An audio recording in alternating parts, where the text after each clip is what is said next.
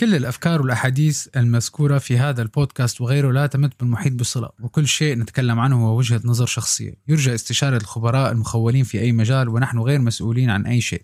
اقتضى التنويه. دخلك بتعرف ما بعرف. ما بعرف. نام تبلش؟ ما بعرف. ما بعرف. طيب اسمع بركي بتعرف.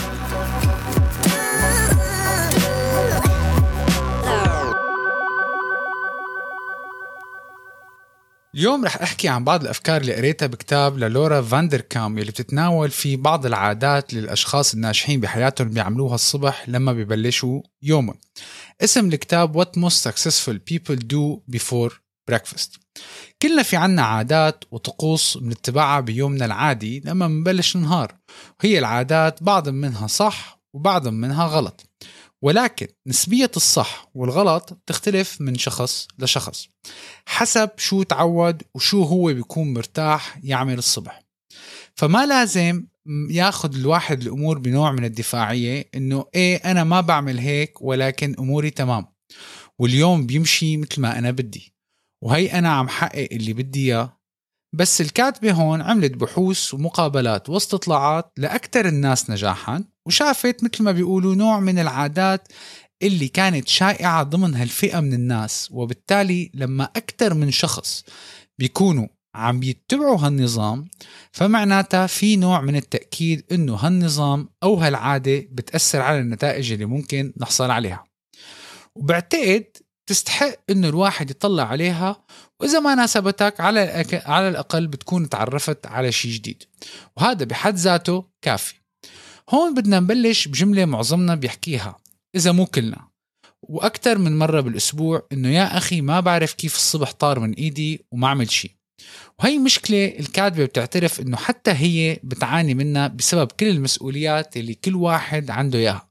بمجرد ما يبلش يومه وبيكون لسه ما وصل على الشغل ولساته ببيته.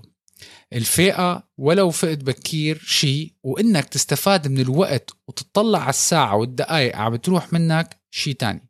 لبين ما نقدر نحط حالنا بالتركيز المناسب ومثل ما بيقولوا نفتح مخنا ولنركز على شو بدنا نعمل اليوم وما بتلاقي حالك غير التهيت بأشياء ثانوية ما بتضيف أي شيء على يومك. مثل إنك تبلش تجاوب على إيميلات غير مهمة أو تمارس رياضة السكرول على تليفونك لتشوف شو راح عليك أنت ونايم على وسائل التواصل الاجتماعي المختلفة. هون بتقلنا لورا إنه لازم الواحد الصباح تبعه يكون مقسم لثلاث شغلات أساسية ولازم تكون عرفان تماما شو تعمل لحتى تستفاد بأكبر قدر ممكن. لازم روتينك الصباحي يتمحور حول أول شي واحد تظبط متطلبات شغلك إنك تستفاد من فترة الصباح اللي أنت بتكون بقمة أدائك ونشاطك. يعني تعمل الشغلات الصعبة اللي بكمالة اليوم ممكن تهرب منها بسبب التعب أو الإجهاد.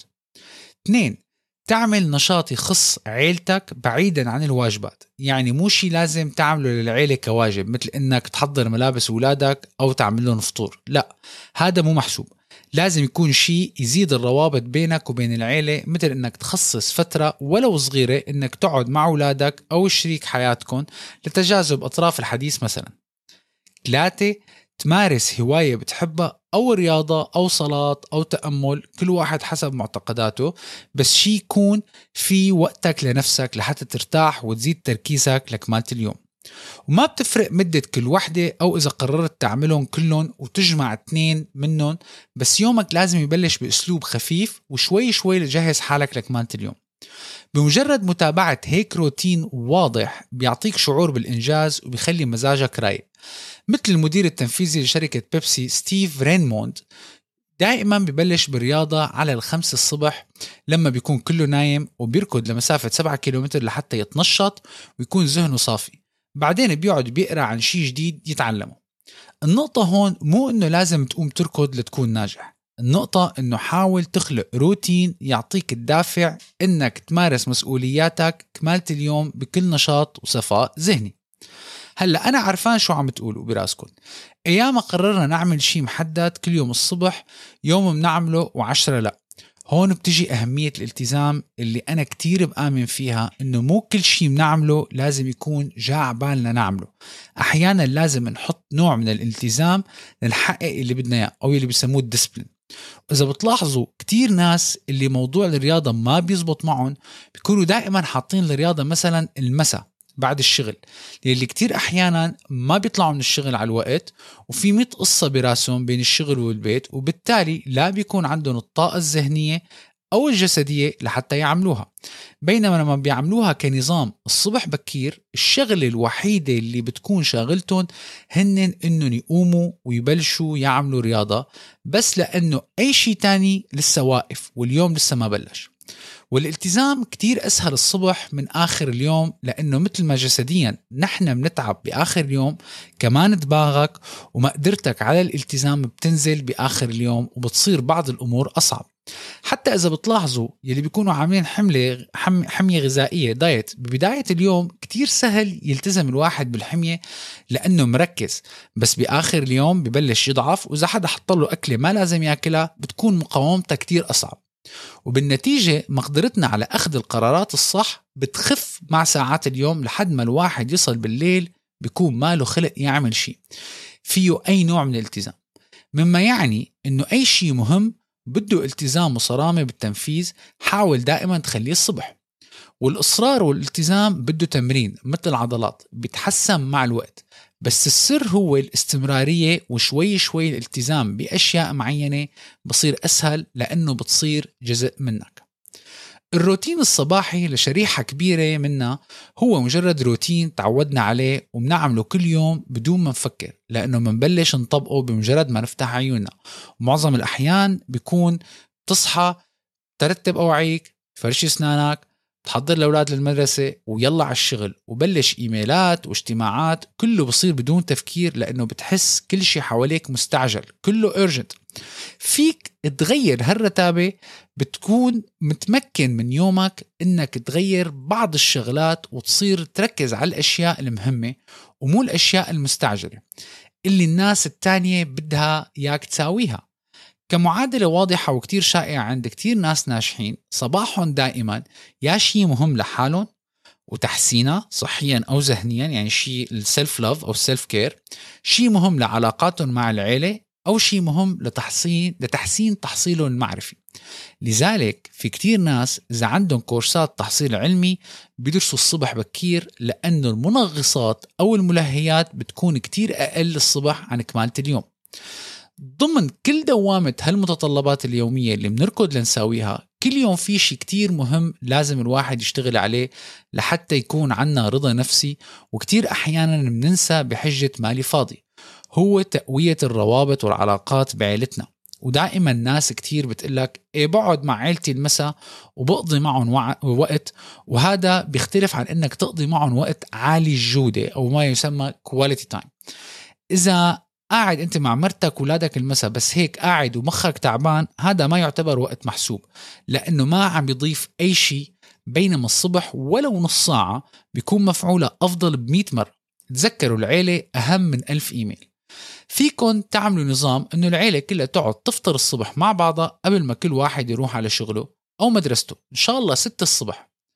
ما بتقدر تفيق بكير لأنك بتسهر حاول إنك تنام بكير لتعطي حالك وقت كافي. الصبح لتعمل كل هالأشياء. 80% من الناس مهامهم اليومية ما بتبلش قبل الساعة 9 الصبح. فتخيل لو بتفيق من 5 الصبح شو فيك تنجز لحالك؟